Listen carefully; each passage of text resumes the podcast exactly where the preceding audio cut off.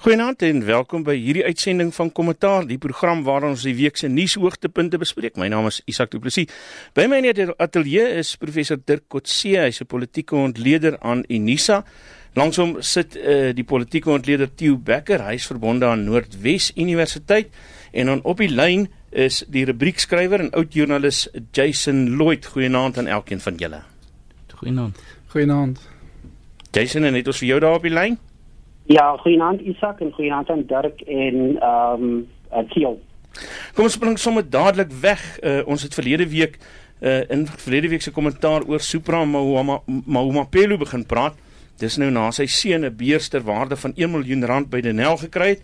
Van dese week is hy die sentrum van grootskaalse geweld in Noordwes waar mense vra dat hy as premier afgedank moet word en dit het, het so erg geword dat president Cyril Ramaphosa sy besoek aan 'n byeenkoms van die Statebond lande kort geknip het en daar's allerweer verwag dat Mahoma Pelo die trekpas sal kry maar blykbaar uit vrees vir 'n bloedbad het dit nie gebeur nie en ons besluit om eerder 'n langer proses hiervoor te kies. Wat dalk iets sê van die mag wat die uitdagende premier in die ANC Dirk.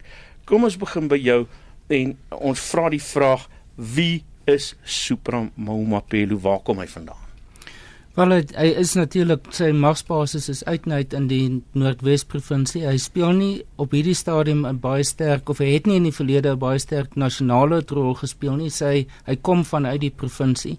Ehm um, sy die rol wat hy verlede jaar gespeel het in die vorm van die sogenaamde Premiersliga of as as deel van daarvan het hy saam met ander provinsies gespeel met die met die Vrystaat, Ismagosule en met um, Mpumalanga met uh, David Mabuza. So wat ons gesien het wat toe gebeur het was dat dit eintlik baie soos amper in die Amerikaanse politiek waar state 'n baie belangrike rol speel, het die provinsies begin om 'n baie belangrike rol te speel. Um en en dan sy magsbasis het het hy daar rondom gebou. Ek dink wat hy wat hy nie reg gekry het nie is is en dit is omdat hy nog in sy eerste uh, termyn as as premier is. Hy is nie in die tweede termyn soos die ander twee premiers nie is dat hy nie in aanmerking gekom het vir 'n nasionale posisie nie of in die top 6 van die ANC of in die regering die nasionale regering nie. So in 'n sekere sin het hy is hy in in 'n in 'n posisie wat minder prominent is as die ander uh premiersliga lede uh, saam met KwaZulu-Natal natuurlik en in 'n in 'n sekere sin dink ek wat ons nou sien wat besig is om te gebeur is is dat Die gebeure van verlede jaar by die ANC se konferensie speel hoogs waarskynlik 'n baie belangrike rol in die feit dat mense hom sien nou as 'n persoon wat die verloor kan nie kandidaat ondersteun het.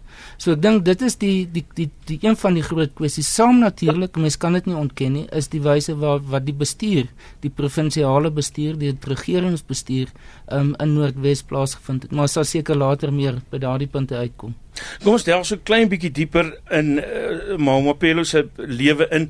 Dis nie die eerste keer waar ons van hom gehoor het nie. Jy sal onthou Tio, jy kom nou uit daai wêreld uit. Hy het ook 'n groot rol gespeel in daai stryery daar op Potchefstroom met die munisipaliteit en die burgemeester en daai tipe goeters. Wat wat wat het daar gebeur? Op watter manier het Supra Mamapelo daar 'n greep gekry op die politiek van Noordwes om uiteindelik te kom waar hy soveel mag as premier het. Isak ek dink wat belangrik is van van Supra as mense na sy bestuurstyl gaan kyk en ook na sy rol wat hy in Noordwes speel is dat hy kom uit 'n diep verdeelde faksie groepering in Noordwes en dit is een van die kenmerke van die Noordwes provinsie dat dit regtig vanaf ek wil amper sê vanaf die konservatiewe party in die ou Wes-Transvaal was dit al 'n verdeelde tipe van provinsie gewees. Nou was altyd hierdie konflik gewees. Noordwes op hierdie stadium is steeds baie diep verdeel met verskillende faksies en dit sluit in in Potchefstroom maar in Mafeking ook, so in Omaiking. Dit is iets wat uh, eintlik kenmerkend is van die Noordwes provinsie en so dit gaan daar meer oor politiek en dan moet ek natuurlik sê die politiek is 'n magsbasis vir jou om ekonomiese en ander belange te bevorder, het sy dit kultureel of dan uh besighede. En ehm um, hy het diep ge gevestigde uh belange in in uh, Noordwes en dit maak van hom natuurlik dat hy sy ondersteuningsbasis het uit uh, persone wat wat vir hom sal letterlik in op die straat gaan beklei. En ehm um, hy bly 'n kontroversiële persoon. In kort, ek dink nie daar is dit mense kan met Noordwes verder gaan as as hy steeds daar is nie hy sal moet vervang word op 'n stadium en ek dink uh, um, dit vra plaas eintlik 'n groot vraagteken oor ons hele politieke bestel rondom die gefragmenteerde provinsiale stelsel wat dalk weer in die toekoms uh, onder loop moet kom. Is dit ook jou mening Jason Lloyd? Ja, sê ek moet sê ek stem saam met jou en en Dirk, maar ek moet ook sê dit is ook tekens vir my is dit uh, dit is eintlik tekens van die skop van 'n dooie donkie. Ons moet al besef dat die politiek sedert die laaste konferensie van die ANC baie vloeibaar gewees het en en Ramaphosa baie grond politieke grond gewen. Eerstens, ehm um, as hulle as die die uh, Indië Z faksie geneutraliseer uh deurdat die ANC byvoorbeeld besluit het om grond te oneien sonder vergoeding. En tweedens uh, as um, sy bondgenote beide die die die, die, die vorige premier van Mpumalanga en die premier van die van die Vrystaat opgeneem in die top 6. So hy is eintlik nou hy hy's eintlik in die politieke wildernis en um, hy beleef nou die laaste skop uh, die laaste styftrekker van 'n dooie donkie. So dis net 'n kwessie van tyd en ek moet sê dat dat, dat Ramaphosa hom uiters goed van sy taak gekooi het gekooi het om nie onmiddellik te besluit om ontslaaf van hom te word nie. Maar ek moet sê ook hy het ook daardie vermoë om verdelende politiek nog steeds in die, in die Noordwes teweeg te bring. As jy mens byvoorbeeld kyk na die provinsiale sekretaris of die tussentydse provinsiale sekretaris van die ANC in die Noordwes en die provinsiale sekretaris van die van die SAKP in die Noordwes, stem eenvoudig nie uh, stem nie oor een met hoe die president dit benader. Maar môre vergader die top 6 wat natuurlike verslag moet voorlê aan die nasionale werkkomitee. So ons gaan ek dink teen die einde van volgende week gaan ons die einde sien. Ons het hierdie optrede van Cyril Ramaphosa ook gesien met uh die verwydering of die vraag dat president Jacob Zuma sy ampt dan nou sou verlaat en en dit lyk vir my of dit besig is om 'n patroon te word. Wat sê julle? Ja, ek ek dink dit is so. Ek dink die die feit dat hy besluit het dat hy nie 'n besluit gaan neem oor die naweek of of ehm um, Vrydag en Saterdag nie. Ehm um, is tekenend van die styl van uh, van president Ramaphosa en dit is dat hy wil nie blameer word daarvoor dat hy mense elimineer uitneem. Veral mense wat kom uit die Dlamini Zuma kant uit. Ehm um, want ek dink die die groot kopseer of die groot onduidelikheid wat wat steeds daar bly is wat gaan gebeur in KwaZulu-Natal. Daar was weer vandag verslae gewees oor die onstabiliteit intussen die twee groeperings in KwaZulu-Natal oor die toekoms of hulle in wanneer hulle 'n nuwe provinsiale leierskap moet kies. En en dit dink ek is die oorweging wat Ramaphosa die hele tyd in gedagte hou. As hy 'n skuif maak in die Noordwes, hoe gaan dit KwaZulu-Natal raak? Hoe gaan dit selfs die Vrystaat raak? Want ons sien daar is is wel daar is nou 'n um, 'n 'n magsoorgang gewees um, met Ys Magashule wat nou sekretaris-generaal van die ANC geword het. Maar dit is nog nie die laaste van van Ys Magashule ook nie. So die die bestuur van die provinsies is seker die grootste uitdaging vir president Ramaphosa op die oomblik en gaan dit vir die voorsienbare toekoms wees. En die die in die groot en die belangrike relevantie daarvan is oor 'n trend 13 ma maande of selfs minder is daar 'n verkiesing en die verkiesingsnominasies gaan plaasvind op die vlak van die provinsies. So is daar dra daai berigte van 'n Zuma kamp wat besig is om hom te hergroepeer en vir Cyril Ramaphosa uit die kussings uit wil lig, dra dit water. Sê ek dink uh, dis nie so seer net 'n Zuma kamp nie, maar daar's daar's persone wat definitief in sekere groepe val en daar is mense wat baie meer met Zuma simpatiseer in in, in die Noordwes provinsie as wat 'n mens dink. Maar ek wil by Dirk aans, aansluiting vind. Ek dink wat wat hier baie belangrik is en 'n mens moet dit nie vergeet nie. Ons nader ook 'n verkiesing. So die president kan nie van die heup af skiet nie. Hy moet baie berekend hierso te werk gaan as hy nou sy takstrukture en sy ondersteuners verloor dan is Noordwes uh, provinsie waarskynlik die een wat vir hom die baie die meeste seer kan maak in terme van ehm um, die EFF se ondersteuning want die EFF se ondersteuning groei by die dag en ons moet dit nie onderskat nie. Ehm um, ons kry ook in ons studente gemeenskappe in die Noordwes waar al meer en meer EFF persone na vore kom wat sê maar uh, jy weet uh, die president doen nie genoeg nie en Zuma het ons uh, mislei en mis, uh, Zuma was net dood uh, oneffektief geweest. So die president moet baie versigtig wees en hy is. En ek dink uh, wat 'n mens hier kry soos Dirk gesê dis dis eintlik 'n berekende tipe van stap 'n inkrementele stap vir stap proses wat hier gevolg word. Jason Lloyd, jy het nou gesê terwyl ons nou hoor wat Theo gesê het, het jy gesê jy dink dis die laaste stuiptrekkings van 'n donkie wat lê, maar tog is die mense in Noordwes bitter bang vir Supremo Mapelo. Hy word onder meer die Black Jesus en 'n klomp ander titels genoem en en hulle is te bang om met jou te praat. Hulle sê hy het oë en ore oral. Ehm um, is dit is is daardie vrees geregverdig?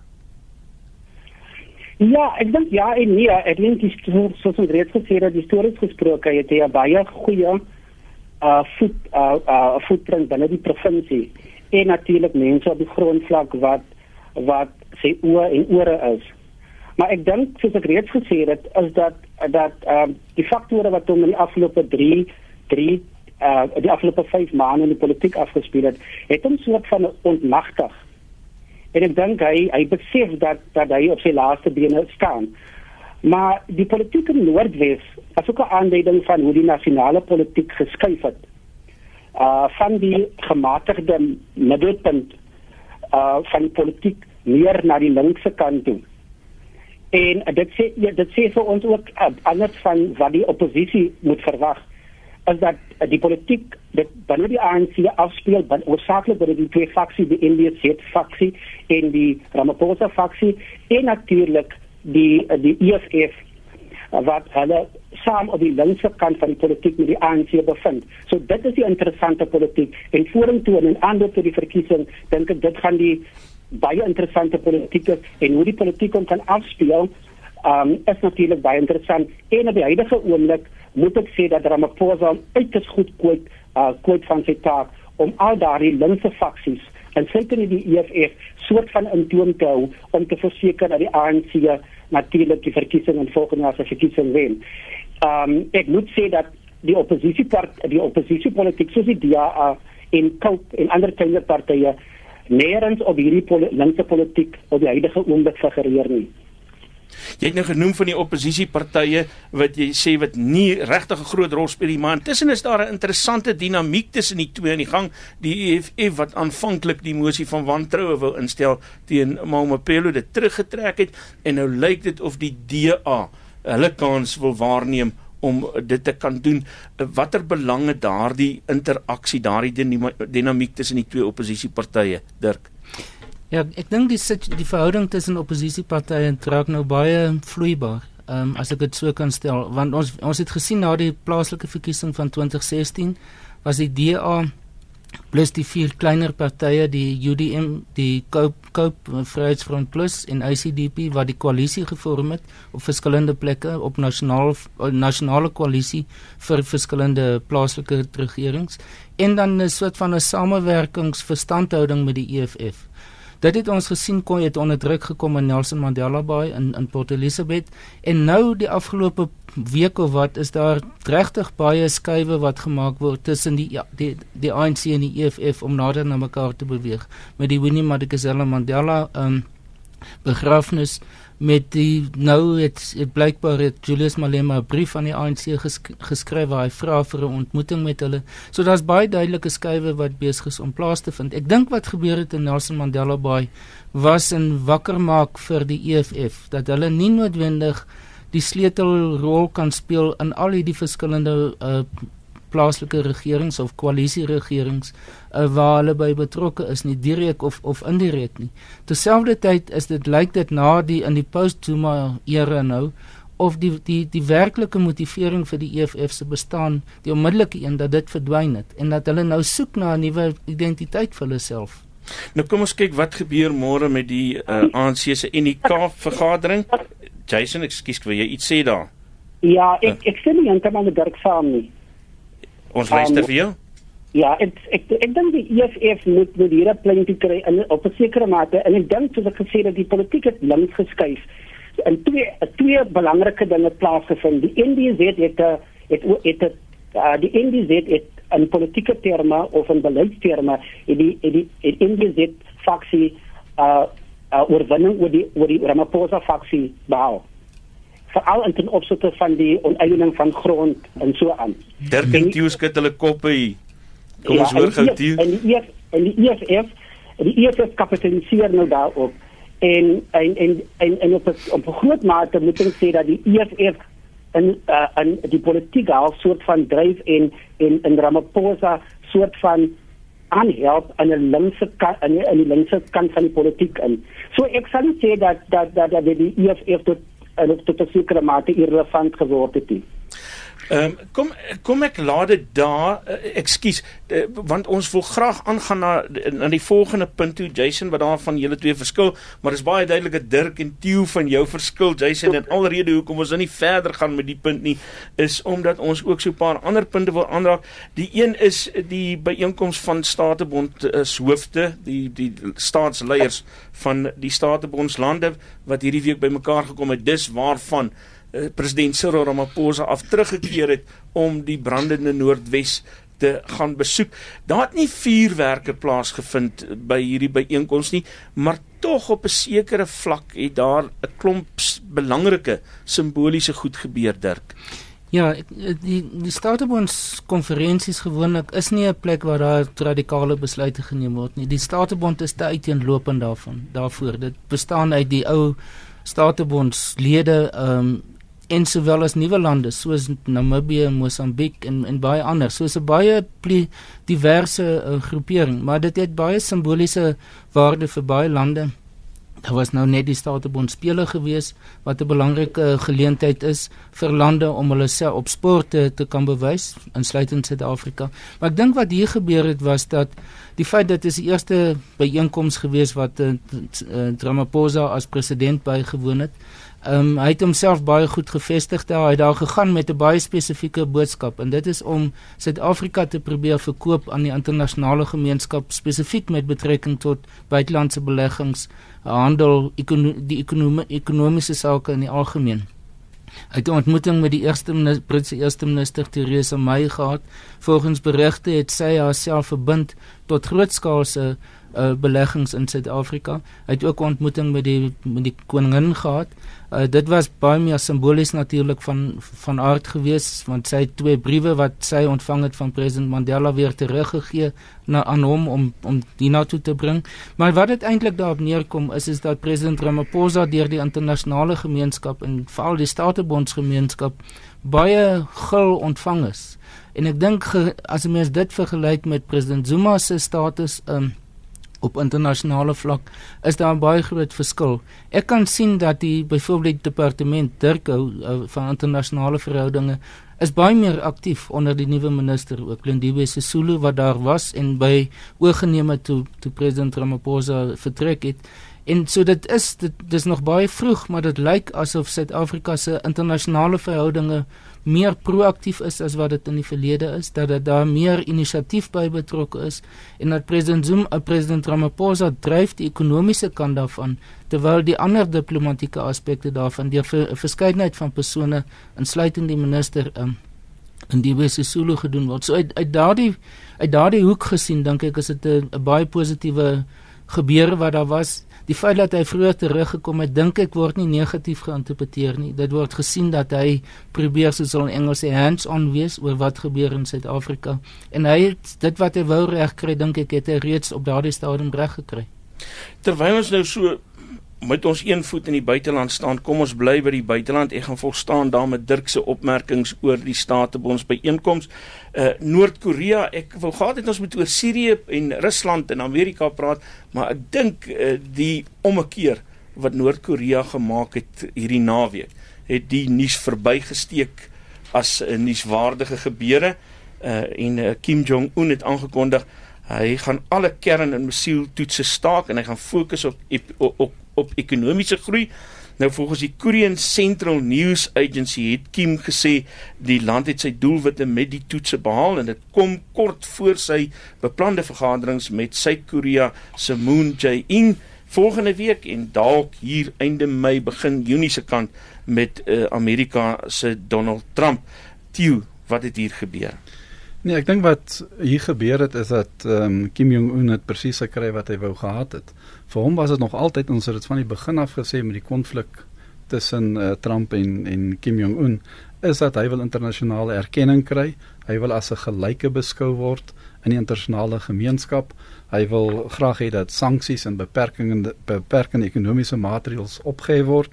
En dan wat natuurlik ook belangrik is met 'n en dit moet mense in gedagte hou, is dat ehm um, hy wil graag erken word in die internasionale gemeenskap as 'n kernmoondheid. En uh, die gesofistikeerdheid van hierdie kern vermoë van hom hoe spesifiek en hoe presies in in hoe wetenskaplik en goed hierdie vermoë is, dis natuurlik heeltemal iets anderste. Maar dit is belangrik ehm um, dat Kim Jong Un daardie erkenning kry. Die interessante is is dat die Amerikaners kan eintlik en ek wil ek wil dit ek sê dit met huiwering, die Amerikaners gaan baie min in hierdie gesprekke kan regkry.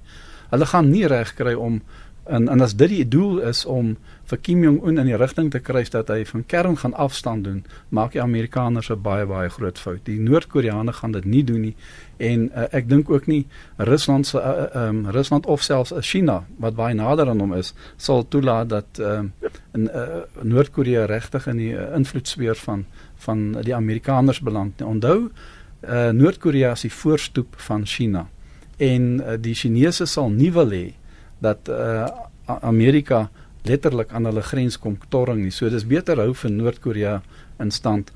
As 'n mens gaan kyk na die na die na die toekoms dan dink ek is dit is dit verblydend want ek dink dat dit konflik afgeweer nie dat konflik ooit regtig 'n opsie was in Noord-Korea nie. En ons het dit al hoeveel keer gesê. Mense het gepraat van 'n groot kernoorlog of 'n konflik daar.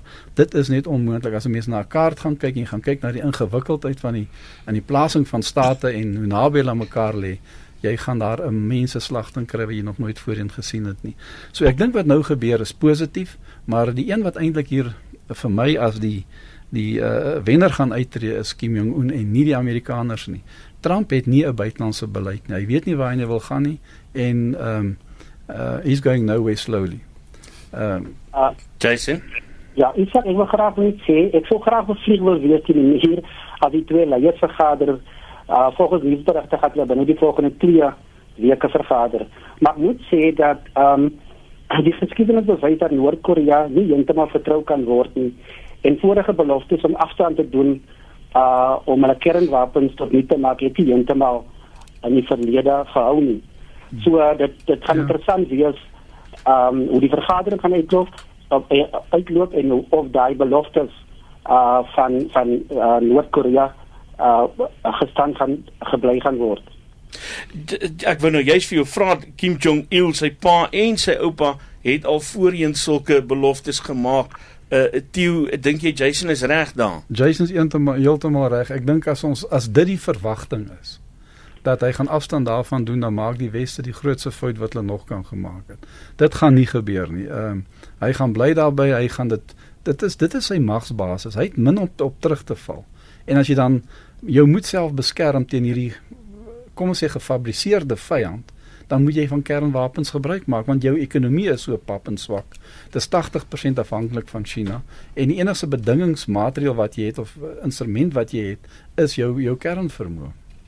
Nou kom ons kom terug Suid-Afrika toe voor verlede week se Stratcom sage die week 'n uh, interessante en 'n nuwe kinkel gekry toe Independent Media op 4 van die koerante in hulle stal berig het oor 'n aanslag teen grootbaas Iqbal Survey en die maatskappy Sagarmata. En dis seker die eerste keer dat ehm um, 'n joernalis, ek sien sy naam is Staafwriter, dit reg gekry het om op vier verskillende koerante 'n voorblad te kry, 'n voorblad berig. Is dit blaatante manipulasie gewees? Is dit soos wat party mense sê 'n laagtepunt vir journalistiek in Suid-Afrika? Is moeilik om hieroor nou al 'n 'n verklaring of 'n verduideliking te kan gee want ek, ek dink die daar's daar's groter politiek by betrokke. Ehm um, die independent groep of die die eienaar van die independent groep Dr. Itbal Survey survey is bekend daarvoor dat hy baie naby aan die Zuma groepering beweeg het vir, vir nog die meeste van sy tyd in in die besigheid dat dit gelyk het met sy oorneem van die groep asof dit ook was dat dit binne die konteks van dat daar 'n media groepering moet wees wat nader aan die regering wil beweeg. Um en soos wat ons sien met die Gupta besighede is dit nou besig om om in mekaar te val. En ek dink wat ons hier sien is is dat daar in 'n sekere sin die openbaar die die media familie die media groepering besig is sowel as die besigheidswêreld uh, en veral die die Johannesburgse effektebeurs om nou te in 'n sekere sin weerwraak uit te oefen. Ek dis miskien te hard gestel, maar ek dink daar's 'n element daarvan te sprake om dit nou moeilik te maak vir hierdie maatskappy wat lyk asof hy in finansiële moeilikheid is om nou na die JSE toe te kan gaan om vir homself 'n nuwe lewe te kan skep. Ek dink die besigheidsgemeenskap het baie seë gekry in die afgelope 5 jaar of langer as gevolg van die sogenaamde staatskaping. Uh, hulle was nie hierdie die on, uh, die independent groep kan mens nie sê was direk daarbey betrokke nie, maar in kon in 'n sekere sin naby aan dit begin beweeg het. Um, en ek dink as gevolg daarvan is daar 'n gevoel van die besigheidsgemeenskap in die algemeen, as 'n mens dink aan KPMG en ander groeperings, is op hierdie stadium op 'n laagtepunt in terme van hulle geloofwaardigheid en die die openbare geloofwaardigheid. Um, En ek dink daar is 'n beweging binne die besigheidsgemeenskap om te probeer om dit om te draai en groter geloofwaardigheid te pro probeer bou. En dis waarskynlik maar een element daarvan. Jason, jy kom uit die journalistiek uit uh, en jy's maar tot 'n baie groot mate nog steeds daarbey betrokke al is jy nou nie meer van beroep 'n joernalis nie. Wat doen dit aan die integriteit van 'n uh, maatskappy soos Independent Media? Dit is baie kommerwekkend ehm um, uh, uh, uh, Isak ek moet sê dat ehm um, as 'n mens kyk na die geskiedenis van die media in in in gedurende die apartheid jare en wat daar gebeur het en hoe hoe koerantgroepe en journaliste beïnvloed deur die politiek van die dag moet mense natuurlik sê ehm um, dit is baie betredenswaardig en dat dit nou die neerslag van by die nuwe bedeling uh, moet ook duidelik gesê word dat ons dit nie kan dood nie um, ek dink tog dat dat dat journaliste, individuele journaliste in nuuskantore moet tog daai uh, verantwoordelikheid op opneem om in alle opsigte altyd onafhanklik op te tree en um, eties en onafhanklik op te tree en nie deur te gee op 'n baie etiese en betroubare manier. Hoe gaan mense dit doen stel jy voor? Um, om te doen wat jy moet doen En daar's baie gevalle waar joernaliste byvoorbeeld uit mediagroepe of by koerante bedank het om dit te doen. Uh ons het byvoorbeeld um 'n paar maande of 'n jaar of twee gelede die die die geval by die uh, die SAK gehad van die SA uh, die van die ag joernaliste wat blaatant geweier het om um om om om opdragte wat wat in konflik met etiese journalistieke beginsels gewees het uh, uh uit te voer en hulle het eenvoudig geweier en ek dink ons het net meer van daai joernaliste in die kantore um uh, nodig om dit te doen. Ek vra die vraag spesifiek uh, Jason Dirk en uh, Theo want ek het uh, twee artikels gelees en ek wil vinnig vir jou uh, probeer om dit op te som want dis uit die konteks uit wat die vraag kom. Uh, ek lees 'n artikel oor die aanlyn manipulasie en die disinformasie strategie wat gevolg word byvoorbeeld in die Sirië uh, oorlog. En daar's een spesifieke karakter. Ek wil nou gou kyk as ek nou haar naam kan onthou, sal ek nou terugkom na haar toe. Hier sy. Uh daar's een spesifieke karakter, 'n vrou wat beskou word, haar naam is Sera Abdallah. Sy word beskou as die gesaghebende Twitter of, of wat noem mense hulle? Daar's mos hier staan nou 'n naam vir hulle. Maar sy 'n tweet 'n Twitter rekening en sy word beskou as gesaghebend oor Sirië.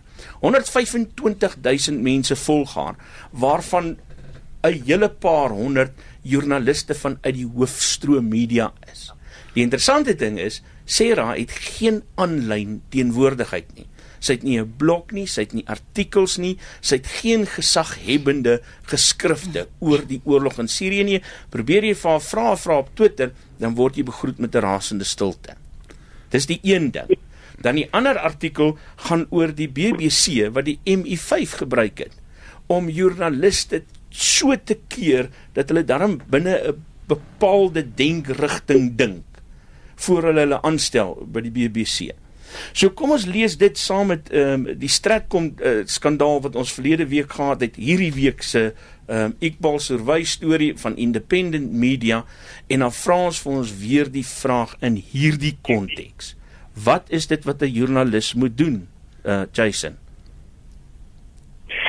Ehm um, Ja, dit is dit, dit is natuurlik moeilik as jy binne 'n nuuskantoor vasgevang word en jou werk hang daarvan af. Moet 'n mens sê, maar etiese beginsels daar is duidelike etiese beginsels in terme van journalistiek.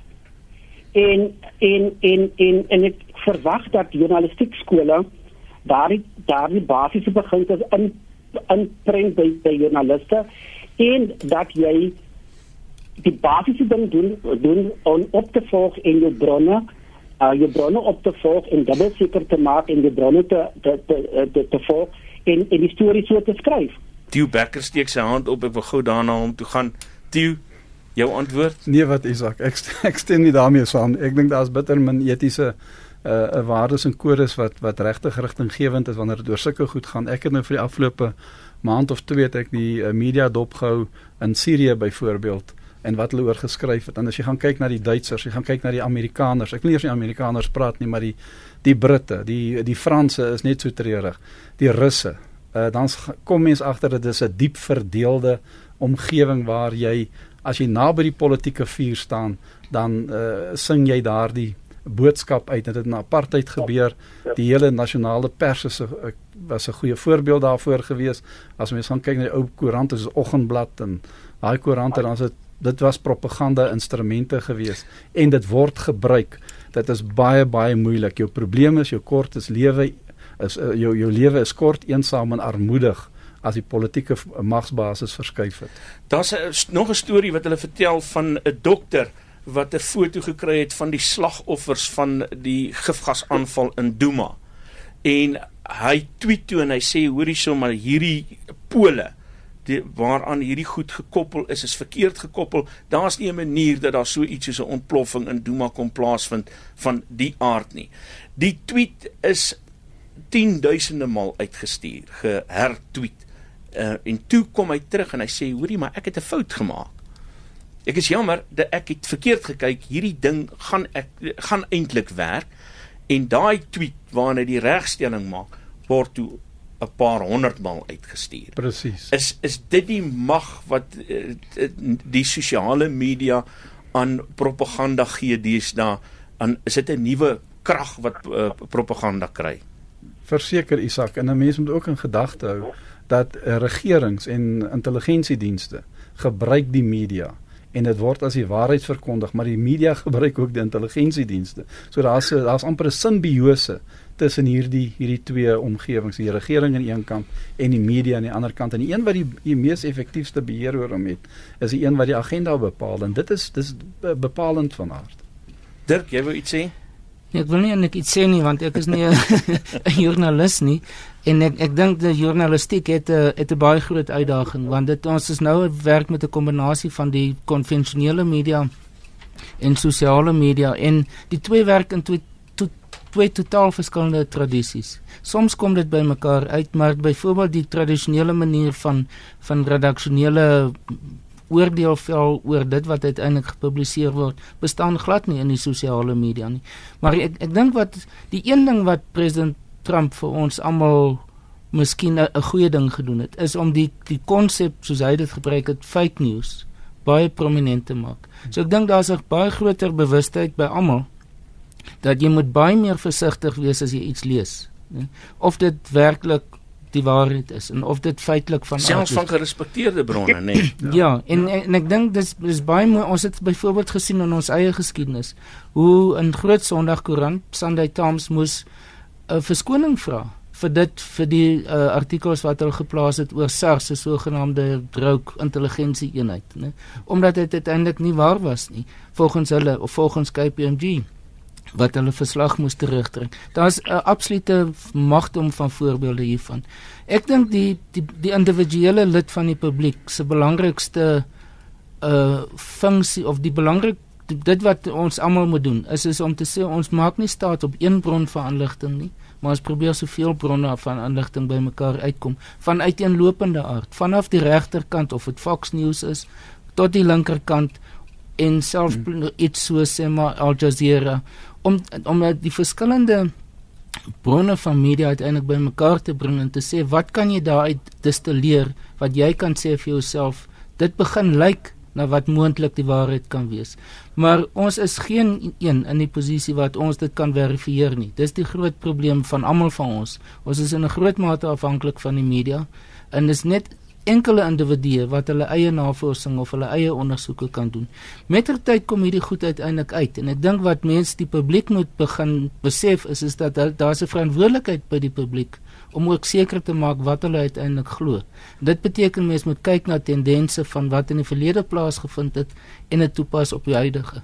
Dis professor Dirk Kotse wat so praat. Ons is byna byna aan die einde van die program. Voor ons dit nou daar nog een saak wat ek wil hê ons vinnig oor moet praat. Ons het nou al gewoond geraak daaraan om openbaringe te sien van miljarde rand se vergrype, korrupsie, onreëlmatighede en ons skryf 'n groot deel van die land se vervalle ekonomie, infrastruktuur, onderwysstelsel, diensleweringstelsel, noem wat jy wil, skryf ons hieraan toe, maar daar's 'n ander ewe groot probleem wat misgekyk word en dit was 'n klein beriggie vandag in op bladsy 2 of 3 van Sunday Independent dink ek.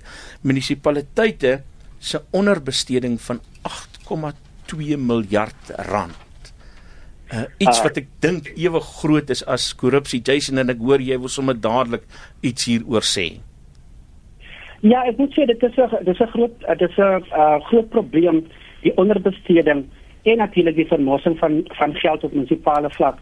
Ons moet onthou dat ehm um, sedert uh, 2008 uh toe die ekonomie uh sterker geword het, het die uit die regering uh um besteding op munisipale infrastruktuur verdubbel.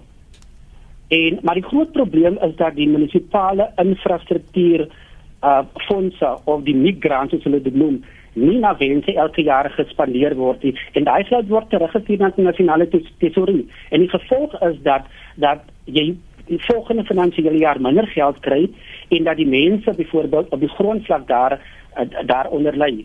Nou die groot die groot probleem veral met landelike munisipaliteite is is die feit dat ehm um, munisipaliteite moet hulle begrotings baie dun sny. Ehm um, hulle moet hulle moet hulle moet voorsiening maak vir operasionele koste, die betaling van salarisse en natuurlik om projekte te finansier. En en in baie gevalle is 60% byvoorbeeld 60% uh, van die begroting gaan vir salarisse en en en en, en natuurlik ook die beklei op grondvlak oor tenders. Um en dit vat om omtrent om infrastruktuur tenders uit te sit, vat dit omtrent 6 maande tot 'n jaar toe. En wanneer in in baie in baie gevalle wanneer die finansiële jaar om is, beklei hierdie faksies nog steeds op grondvlak en dan daai infrastruktuur tenders kan nie uitgesit word nie en met ander woorde die geld word gespandeer en daai geld word natuurlik as gevolg van dit teruggestuur na nasionale na, na, na nasionale tesorie. So dit is die groot probleem op op op op uh uh op plaaslike vlak. Dirk Ek ek dink net een vinnige punt. Waarskynlik die grootste probleem op plaaslike vlak is 'n gebrek aan finansiële bestuursvermoënskapasiteit. Ons het gesien vanaf die Pravin Gordhan periode dat hy gesê het mense moet heropgelei word op plaaslike vlak om bestuurders te kan wees. Wetgewing op plaaslike vlak is hoogs gekompliseerd. En ek dink wat baie dus doen is om te sê in steede van in die moeilikheid kom by die ouditeur-generaal spandeer ons nie. Dit het tyd geword vir ons om te groet en dit gebeur altyd te vinnig. Jy het geluister na professor Dirk Kotse huis van Unisa Theo Becker. Hy is daar van Noordwes Universiteit en dan die rubriekskrywer Jason Lloyd wat ons uh, by op die telefoon by ons aangesluit het. My naam is Isak Du Plessis. Volgende week selfde tyd, selfde plek, dan het ons weer 'n afspraak. Ek hoop jy het 'n baie lekker week.